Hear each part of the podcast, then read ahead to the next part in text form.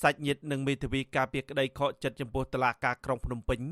ដែលលើកពេកសវនាការលើអង្គសក្តីនៃសំណុំរឿងលោករងឈុន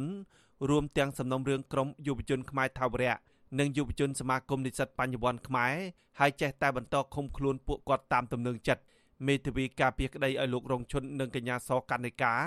គឺលោកសំសកុងថ្លែងថាសាលាដំបងរាជធានីភ្នំពេញ សម្រាប់លើកពេលសវនាការលើអង្គសក្តីសំណុំរឿងលោករងឈុននិងកញ្ញាសកណ្ឌិកាដែលគ្រោងធ្វើនៅថ្ងៃទី8ខែមិថុនាទៅថ្ងៃក្រោយវិញ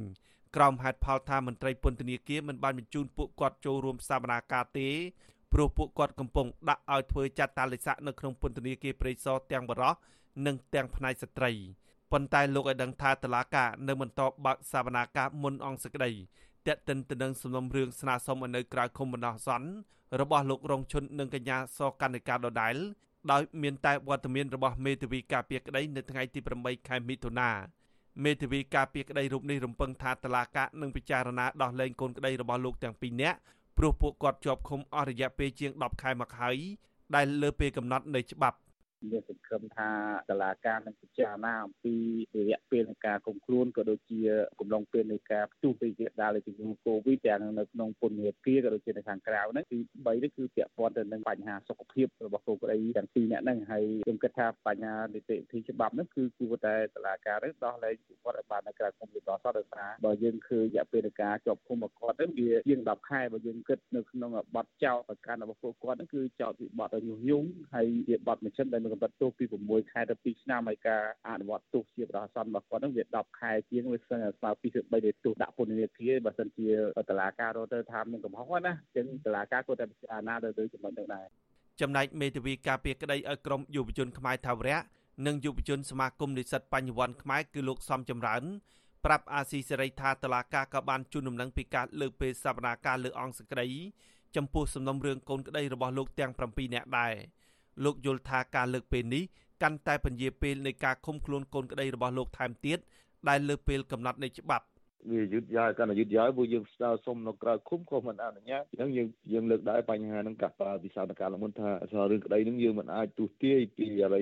អាចនឹងបញ្ចប់នៅឬបានទទួលបានសារក្រមនៅពេលណាយើងស្នើសុំដោះលែងហ្នឹងបញ្ហាហ្នឹងយើងលើកលើកទៅលើកមុនហើយ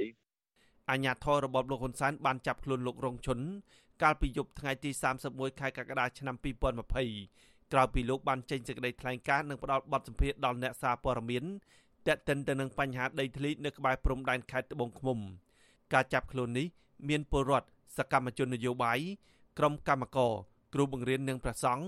រួមទាំងយុវជនជាច្រើនអ្នកបានចេញមកតវ៉ាជាបន្តបន្ទាប់ឲ្យដោះលែងលោករងឈុនវិញក៏ប៉ុន្តែមិនត្រឹមតែដោះលែងទេ អញ្ញាធរបានចាប់ខ្លួនអ្នកតវ៉ាជាច្រើនអ្នកដាក់ពន្ធនាគារជាបន្តបន្ទាប់ថែមទៀតក្នុងនោះក៏មានប្រធានសមាគមកម្មករសេដ្ឋកិច្ចក្រៅប្រព័ន្ធគឺកញ្ញាសកណ្ឌិការួមទាំងក្រុមយុវជនខ្មែរថាវរៈនិងយុវជនសមាគមសម្ព័ន្ធនិស្សិតបញ្ញវន្តខ្មែរចំនួន7នាក់យុវជនទាំង7នាក់នោះរួមមានព្រះភិក្ខុកើតសារាយលោកមានព្រមនីកញ្ញាអេងម៉ាឡៃលោកឡាថាវី លោកមួងសុភ័ក្រលោកហ៊ុនវណ្ណៈនិងលោកស្រីឈឿនដារាវី មកដល់ពេលនេះពួកគាត់ជាប់ឃុំនៅក្នុងពន្ធនាគារអស់រយៈពេលជាង8ខែទៅ10ខែហើយដើម្បីរងចាំសវនាការកាត់ក្តីក្រោមបទចោទប្រកាន់ពីបទញុះញង់ដូចដូចគ្នាម្ដាយរបស់លោកស្រីឈឿនដារាវីគឺលោកស្រីថាច់ធីតារៀបរាប់ថាលោកស្រីខកចិត្តដែលតឡាកាលើកពេលសវនាការខណៈលោកស្រីខំធ្វើដំណើរពីខេត្តបាត់ដំបងមកទីក្រុងភ្នំពេញទាំងព្រឹកព្រលឹមនៅថ្ងៃទី8ខែមិថុនាដើម្បីត្រៀមខ្លួនចូលរួមសវនាការនៅថ្ងៃទី8មិថុនា លោកស្រីទទូចឲ្យតុលាការដោះលែងកូនរបស់លោកស្រី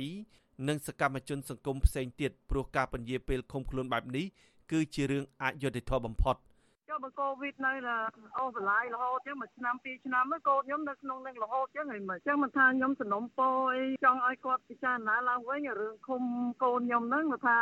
នេះគួរតែគាត់ដោះលែងចឹងវិញទៅណាព្រោះខ្ញុំបារម្ភសុខភាពកូនខ្ញុំខ្ញុំឮថានៅក្នុងពន្ធនាគារយើងមានការឆ្លងមានការអីចឹងណាហើយខ្ញុំបារម្ភខ្លាំងមែនតើ